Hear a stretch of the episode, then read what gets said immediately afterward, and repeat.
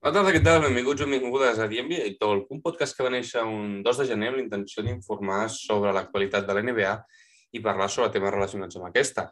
Aquest podcast està protagonitzat per Aleix Quim. Aleix Quim, bona tarda. Bona tarda a tots. I avui, dir que els nostres oients tornem a tenir la baixa al Toni, ja són unes quantes, eh, les que hem tingut. Avui està fònic, jo he estat amb ell, vaig estar amb ell ahir, i té una fonia, en sèrio, que no el reconeixeries. O sigui, se li ha la veu absolutament de cop per tant, desitgem que es millori i que a veure si la setmana que ve un cop més pot estar amb nosaltres, no? Esperem que, esperem que sí. En qualsevol cas, eh, repassarem tu i jo, com sempre, doncs, aquestes dues últimes setmanes que hem tingut de NBA, les anteriors no vam, no vam fer episodi, però hem tingut unes dues setmanes molt interessants en les quals ja hem definit pràcticament qui seran els finalistes del, tant de l'oest com de l'est. Tenim dues sèries que no han acabat encara, que tenim uns pedazos de Game Sevens aquesta, aquesta tarda nit, però les analitzem també, com veiem aquests Game Sevens, i també parlem de les que ja s'han acabat. Per tant, començo parlant per les que ja s'han acabat, ¿vale? Uh, me'n vaig a la banda de, de l'est, Miami-Filadèlfia. Com l'has vist? pregunto primer tu, així em dius la teva opinió primer. Miami-Filadèlfia. A veure, uh, primer de tot, ja ho vam parlar, Miami és, és un equip molt millor, Uh, I els partits sense Joel Embiid, òbviament, van ser un massacre de part de Miami, perquè ara parlarem sobre James Harden, suposo. Uh, i, però, bueno, sí, Miami té un equip molt, molt, molt, molt, molt, molt, molt de fons d'armari. Que no jugui Duncan Robinson, que l'estan pagant més de 15 milions a l'any, i que no jugui quan l'Eric Spolstra, que sabem que és un superentrenador, és entrenador, és molt fort i prova com, com de bo és aquest, aquesta plantilla, perquè si Duncan Robinson estigués en un altre equip de, de playoff, els, els mateixos 76ers segur que guanyaria molts més minuts dels que ha guanyat en aquesta sèrie. Doncs sí, són un, són un equip molt profund, com, com he dit, aquests, um, aquests Miami Heat, i es mereixien, sens dubte, guanyar, guanyar la sèrie. El, el més interessant en la meva opinió sobre la sèrie ha estat James Harden, que han canviat Ben Simmons per James Harden, perquè el Simmons no tirava quan era l'hora i el Harden no va tirar cap vegada a l'últim quart en el partit d'eliminació. I penso que això posa molt, molt, molt, molt la qüestió de si donar-li l'extensió a Harden o deixar que se'n vagi a un altre equip. Perquè és un jugadoràs, però l'edat li està arribant, i em sap greu dir-ho, eh? però eh, està arribant l'hora de James Harden. Tu què penses, Àlex? Jo començo parlant per lo positiu, que és Miami, crec que és sempre molt més fàcil de parlar. Miami l'he vist molt bé, amb un nom, amb una referència pròpia, que és Jimmy Butler, que és obvi, i la resta doncs, he vist jugadors complementaris amb molta qualitat. Uh, destaco l'aparició de Max Struz, que si més no ha aparegut aquest tram final de temporada en quant a renom, evidentment ha estat jugant de temporada, eh? però ara al final de temporada és quan s'ha activat més. Desconnexió de Duncan Robinson. Uh, clar, Duncan Robinson és un portirador. Max Struz fa més que tirar, doncs el rebot, té, té més, és capaç de generar-se més tirs, no? A Kyle Lowry crec que ha fet un parell de partits, però bueno, la seva aportació la veig igual que un complement, un, un complement de, doncs, de luxe, si més no. Però ja dic, em reitero amb el nom de Jimmy Butler, eh? crec que ha fet el que ha volgut, activat el modo superestrella. El modo també finals de, del 2020 i amb un Jimmy Butler així, ojo, uh, molt bé per Miami, me n'alegro per Miami, hem passat, es, es van ventilar els Milwaukee Bucks a primera ronda, per tant, cop sobre la taula de dir, ei, estem aquí, a veure què passa a les finals de conferència, que ja s'hi han plantat. I en clau Filadèlfia, pues, pues concordo amb el que has dit tu. Crec que és una mica, ha passat una mica de tot, no? Evidentment, Harden ha estat tocat en molts aspectes mentals, físics, anotadors, això és obvi. Però també vull destacar que Joel Embiid sempre s'ha estat queixant de que no sé què, no sé quantos i tal, ha tingut molts partits de 20 punts, de 18 punts, que aquests partits contra Miami eren els que havien de sortir el Joel Embiid de 40 punts i intentar pues, fulminar la sèrie. No? Més en el cas de que Miami pues, no té un defensor com podria ser, uh, no sé, Joel Embiid, uh, ai, Joel Embiid, perdona, Nicola Jokic, Rudy Gobert, té a Bama de Bayo que li treu, vamos, jo li treu dos caps a Bama de, a Bama de Bayo. I Harden, jo ja no m'hi poso amb l'econòmic, perquè l'econòmic és més el futur, no? Em centro a l'actualitat, jo no sé què li passa. Se'n va a, a Brooklyn, el defensem que està en modo generador, però i ara se'n va... Ei, s'ha tallat. Se'ns ha tallat, se'ns ha tallat, sí, sí. Sí, Però no però sé, ara crec que ja està. no sé si s'ha guardat. La, la gravació s'ha Bien. guardat, s'ha guardat o no? Eh? La gravació s'haurà guardat o no? Oh, jo crec que... Bueno, diu que s'està gravant ara. Jo suposo que sí.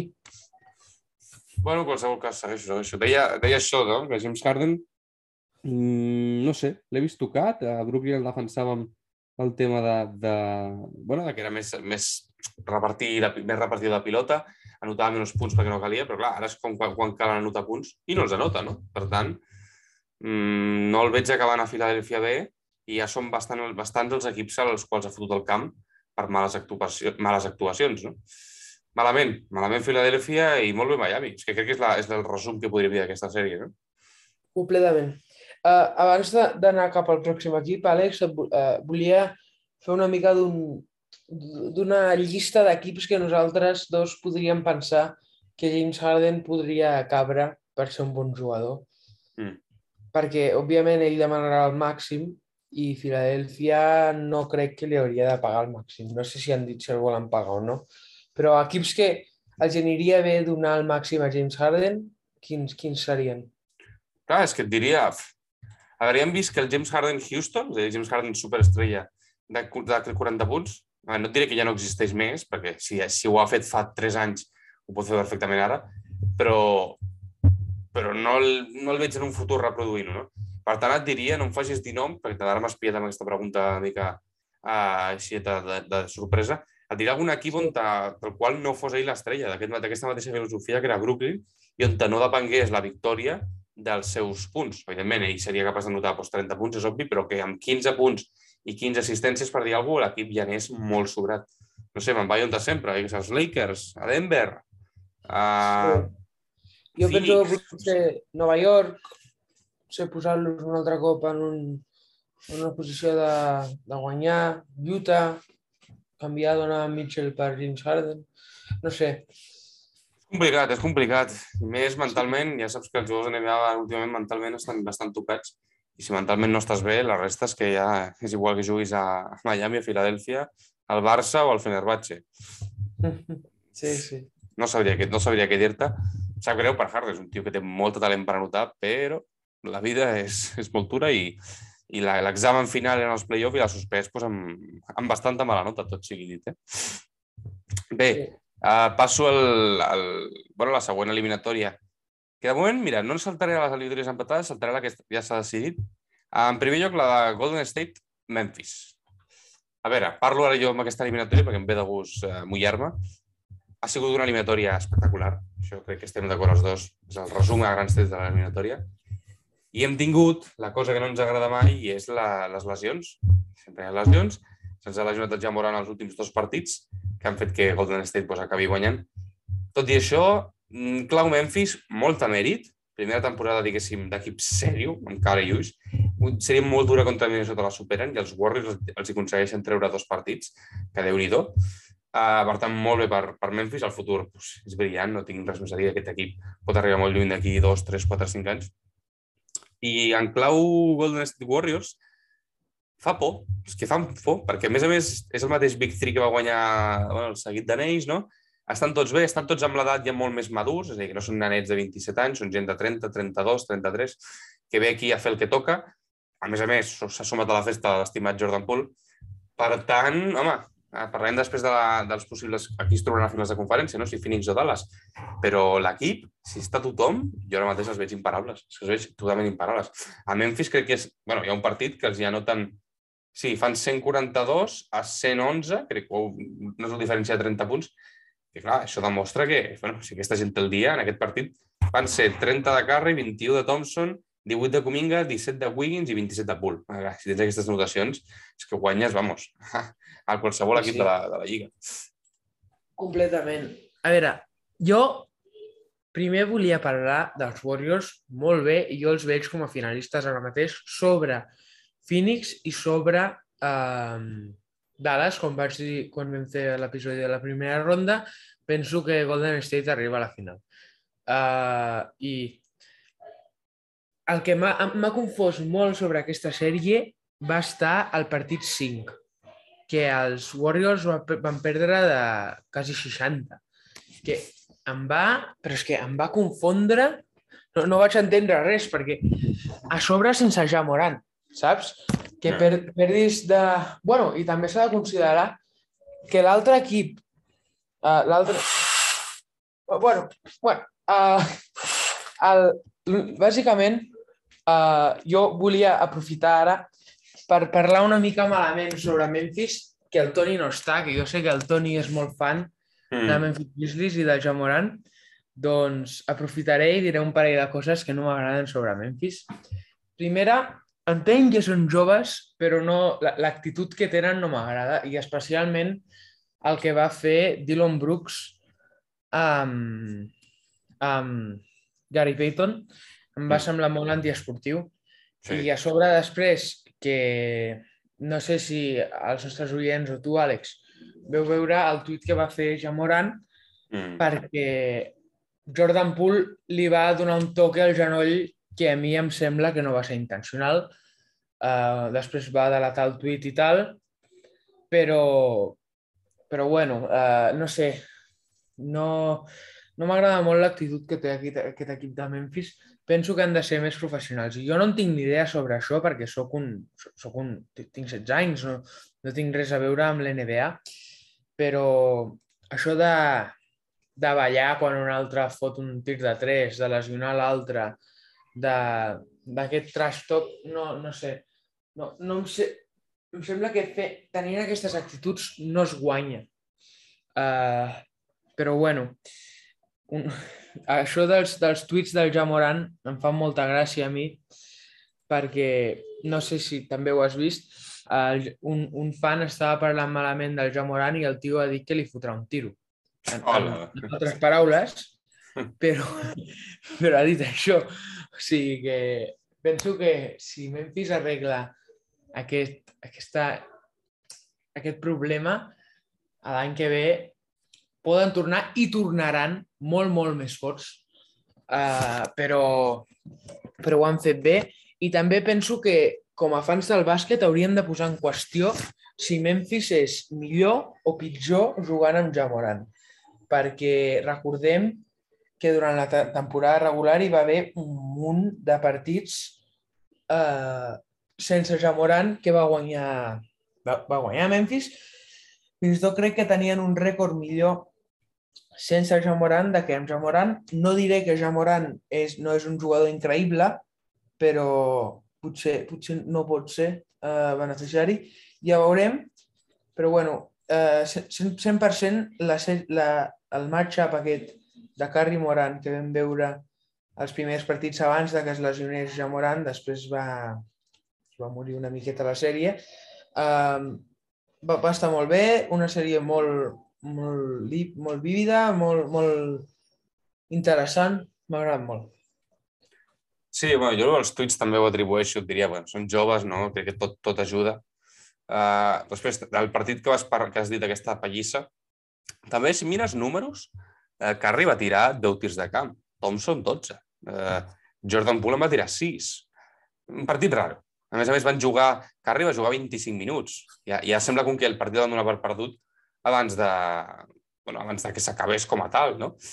I també és d'aquests partits que em dona la sensació que, bueno, que volen descansar, no? que ja veus que la cosa, ells estan molt motivats i dius, bueno, però avui descanso, que no estic tenint el dia, i ja m'hi poso la, el proper. I així ha sigut, han acabat ventilant-se la sèrie, però, però realment felicitats als dos equips, estat una animatura molt, molt maca, uh, un equip molt jove que, bueno, que feia soroll per primera vegada en tota la seva història a la Lliga, com són els Memphis Grizzlies, i un equip pues, que podríem dir veterano, tot i que no són jugadors tan, tan veteranos, que ha demostrat que l'experiència és un grau i que amb, amb un Big 3, amb un Big 4, ja et diria, amb Clay Thompson, Stephen Curry, Draymond Green i, i Jordan Poole, es pot anar molt lluny. I, i com serà així? Perquè si serà, ja estan plantats a finals de conferència, guanyar les finals de conferència es planta la final de la NBA. Podríem estar parlant del, bé, del quart anell de, de Stephen Curry i del quart anell de Clay Thompson, de Draymond Green... Ojo, ojo amb aquesta Espera, gent. I recordem dues coses. Primera, que també tenen Andrew Wiggins, que va ser un All-Star. No sé si va ser molt merescut, però Andrew Wiggins va ser All-Star. Va ser All-Star, sí. I una altra cosa que hem de, hem de pensar és que Stephen Curry encara no té MVP de les finals. No té aquest premi i el busca. Cert, aquest no, no la recordava.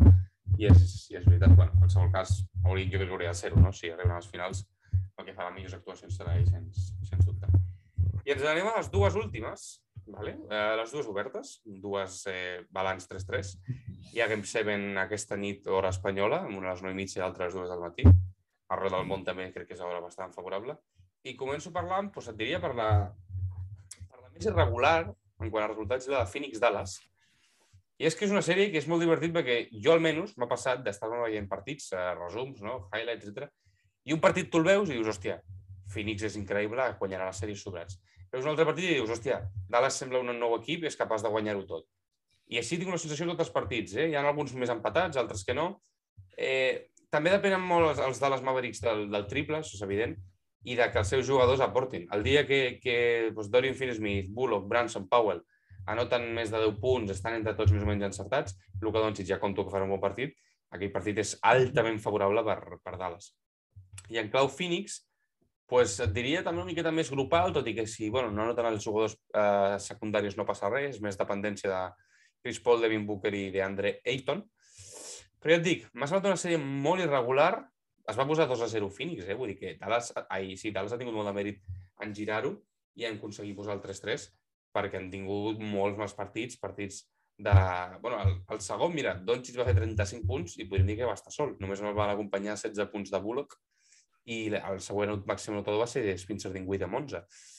Equip molt Doncic dependència, però si tenen el dia la resta de jugadors i anoten, doncs et poden fer una sangria, sens dubte. Tercer partit el guanya Dallas també, doncs, amb què he dit, amb una bona actuació coral dels seus jugadors.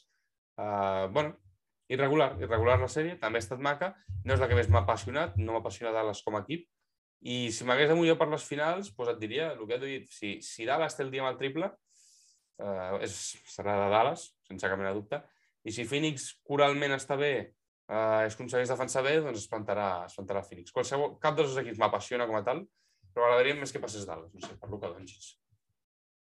A veure, uh, a mi aquesta sèrie uh, jo no esperava massa, jo pensava que els, que els Sants es destrossarien als, als Dallas, però no està passant això, òbviament, i del partit que he vist d'aquesta sèrie em va, em va agradar molt, em va semblar molt interessant i, bueno, estic en, en, en una expectativa alta del, de, del partit d'avui.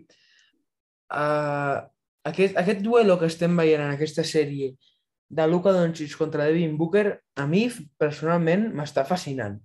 Uh, els, els dos estan, diguem, enfadats un amb l'altre, uh, estan pa, pa, pa, tu i jo, tu i jo, uh -huh. i, i bueno, òbviament està xulo veure això al bàsquet, uh, perquè són dos jugadors superestrelles, dos jugadors que arri poden arribar a jugar a la mateixa posició, depèn si Jalen Branson està a la pista o no, però, però sí, és això.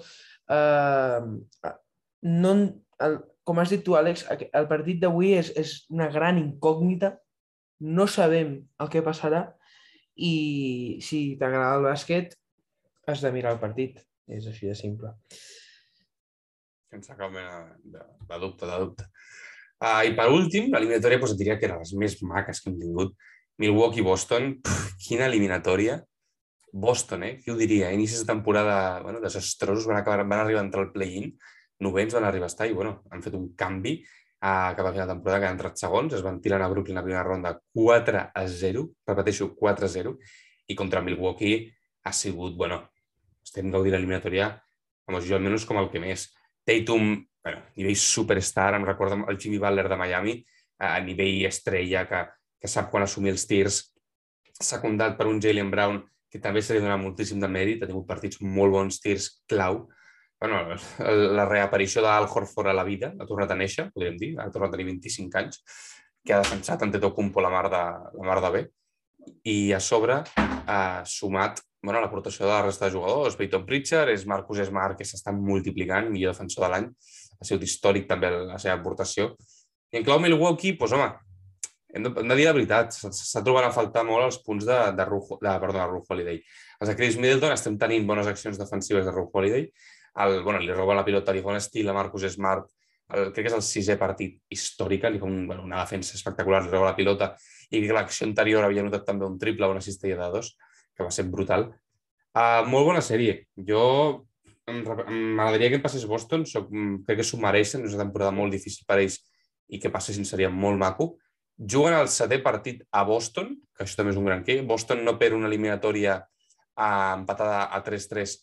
O sigui, té un, rec... això dic bé, té un balanç de 40 victòries, una derrota amb Game 7 jugats a casa seva. L'únic que van perdre va ser contra el, el col·lega LeBron. Per tant, home, jo crec que les coses haurien d'anar a favor de Boston, jugant a casa seva. Ha de ser de Boston. Ha de ser de Boston, si no tinc res més a dir. I Milwaukee, doncs, reitero, està trobant a faltar Middleton i Antetokounmpo multiplicant-se i en partits de 45 punts, crec que ha tingut algun amb 45 punts, com deia, 42 l'altre dia, uh, i no sé si va tenir tingut algun més, deixem que t'ho consulti. Va tenir un C28, uh, què més? Sí, ha, va, ha estat oscil·lant en aquests punts 24. Bueno, una sèrie meravellosa, espectacular i orgullo verde, orgullo verde. Um, a veure, Comencem, només volia comentar, Orgullo Verde de quina banda? Estos són verds. Bueno, Orgullo Verde de ah, Massachusetts. Ja, ja t'he entès, ja t'he entès. Per mi és, és dels Bucks, deixa'm els Bucks, sí. Uh, a veure, primer de tot, Yanis és imparable. No, no hi ha com, no hi ha com parar-lo. O li fas falta o et fa bàsquet. És molt simple i a més a més el partit aquell que Drew, Holiday va, va fer un, un, un tap al Marcus Smart brutal i, i l'estil aquell va ficar un triple al final del partit que, però què, què no pot fer? Uh, que òbviament no és un molt bon tirador de tres, però la va fotre en un moment molt important. Doncs, a, a, com a mínim, en aquest partit 6 que, que vaig mirar, em va semblar que era Giannis Antetokounmpo contra Boston Celtics. No tenia ningú més que, que l'ajudés i això no fa més que provar l'ausència de, de Chris Middleton i com és important. Jo penso que amb Chris Middleton haurien guanyat en, en 5 o 6 partits els Bucks i no estarien en un partit 7, és la meva opinió, però s'ha de dir que Jason Tatum és una superestrella, ja li podem dir... bueno, a veure, que ja ho era, però la temporada que ve 100% candidat a MVP, Jason Tatum, eh, amb el que està fent aquests playoffs e-, és brutal i també, també una superestrella. I el partit d'avui serà, serà molt guai. Um, encara que jo vagi amb els Bucks, seré honest i diré que e, és molt més... Disfruto molt més de mirar, de mirar jugar els Celtics de que mirar jugar els Bucks, perquè els Bucks no fan res si no és Giannis Antetokounmpo anant a la cistella i fotent un mate o que li facin falta o el que sigui. Uh, però igualment vull que guanyin els Bucks perquè Giannis és un jugador que m'agrada molt, saben la seva història, d'on va venir i, bueno, també aquesta idea, aquesta hipòtesi de tenir, d'estar mirant jo al vivo un dels jugadors que es pot tornar el millor de la història, perquè com està Janis ara mateix, molt, molt, molt, molt confortablement es pot tornar un dels millors de la història. Ja té dos MVPs, un anell, uh, un premi de Most Improved, un MVP de les finals, té un... està, està molt bé. Uh, pues, disfruto, disfruto de veure-ho. Òbviament també està l'Ebron, però l'Ebron ja se li està acabant el temps i veure una altra superestrella com Janis uh, dominar la Lliga doncs està molt bé i a mi m'agrada. Sí, sí, sí, sí. Molt macos, joder, que, que aquests play-off ens han quedat, pues, la mar de bé. Hòstia, sí, l'estem disfrutant molt. Els estem gaudint molt, m'alegro. Han hagut poques lesions, a excepció de la Jamoran, però crec que hem tingut bastanta sort en aquest sentit. I les finals doncs, estem bastant encarrilades. I de moment, l'aposta que vam fer a l'inici, llavors quan, quan vam estar predeint els play-off, eh, un hem acertat, Golden State està a les finals de conferència, l'altre és Milwaukee, que, bueno, que, a veure què passa aquesta nit, també podria estar-hi. I, I en qualsevol cas, doncs, hi ha molts noms, molts noms propis, farem un bon anàlisi també quan acabin els play-offs de qui es mereix coses, aquí no, com allò que comentaves el tema salaris de, de Harden. També hi ha molts, clar, els Lakers s'han quedat fora aquest any, és un equip que l'any que ve també com es reforça. I com canvien les coses d'un any a l'altre. I qui ho diria fa un any, precisament quan Miami va ser eliminat 4-0 en primera ronda per als Milwaukee Bucks, que ara estaria a final de conferència, ben guanyat Atlanta i ben guanyat els, els, els Sixers, no? I el mateix en Phoenix, fa dos anys, ningú donava un duro per ells a les finals, imita'ls imita ara. Bé, en qualsevol cas, doncs, doncs seguim, no? Eh, seguim veient partits eh, de NBA. Trobem a falta el Toni, llàstima que no hagi estat aquí, ja fa setmanes que volem sentir la seva opinió. Però bueno, en qualsevol cas esperem tenir-lo per la setmana que ve. I si se'ns ha agradat l'episodi, que espero que sí, perquè seria una putada haver, haver de repetir-ho tot, uh, et dic de sempre, l'Esquim, gràcies per acompanyar-me una tarda més. Uh, els oients. I avui serà una bona nit pel bàsquet, eh? I tant, i tant. Els partits fets serà emocionant. Avui és una gran, gran nit. Per acabar la setmana, per acabar el diumenge, així que, bueno, ens escoltem la, la setmana que ve. Analitzarem a veure qui s'ha colat a les finals de conferència. Serà Phoenix, serà Dallas, serà Milwaukee o serà Boston. En qualsevol cas, veurem la setmana que ve. Uh, una abraçada i ja adeu.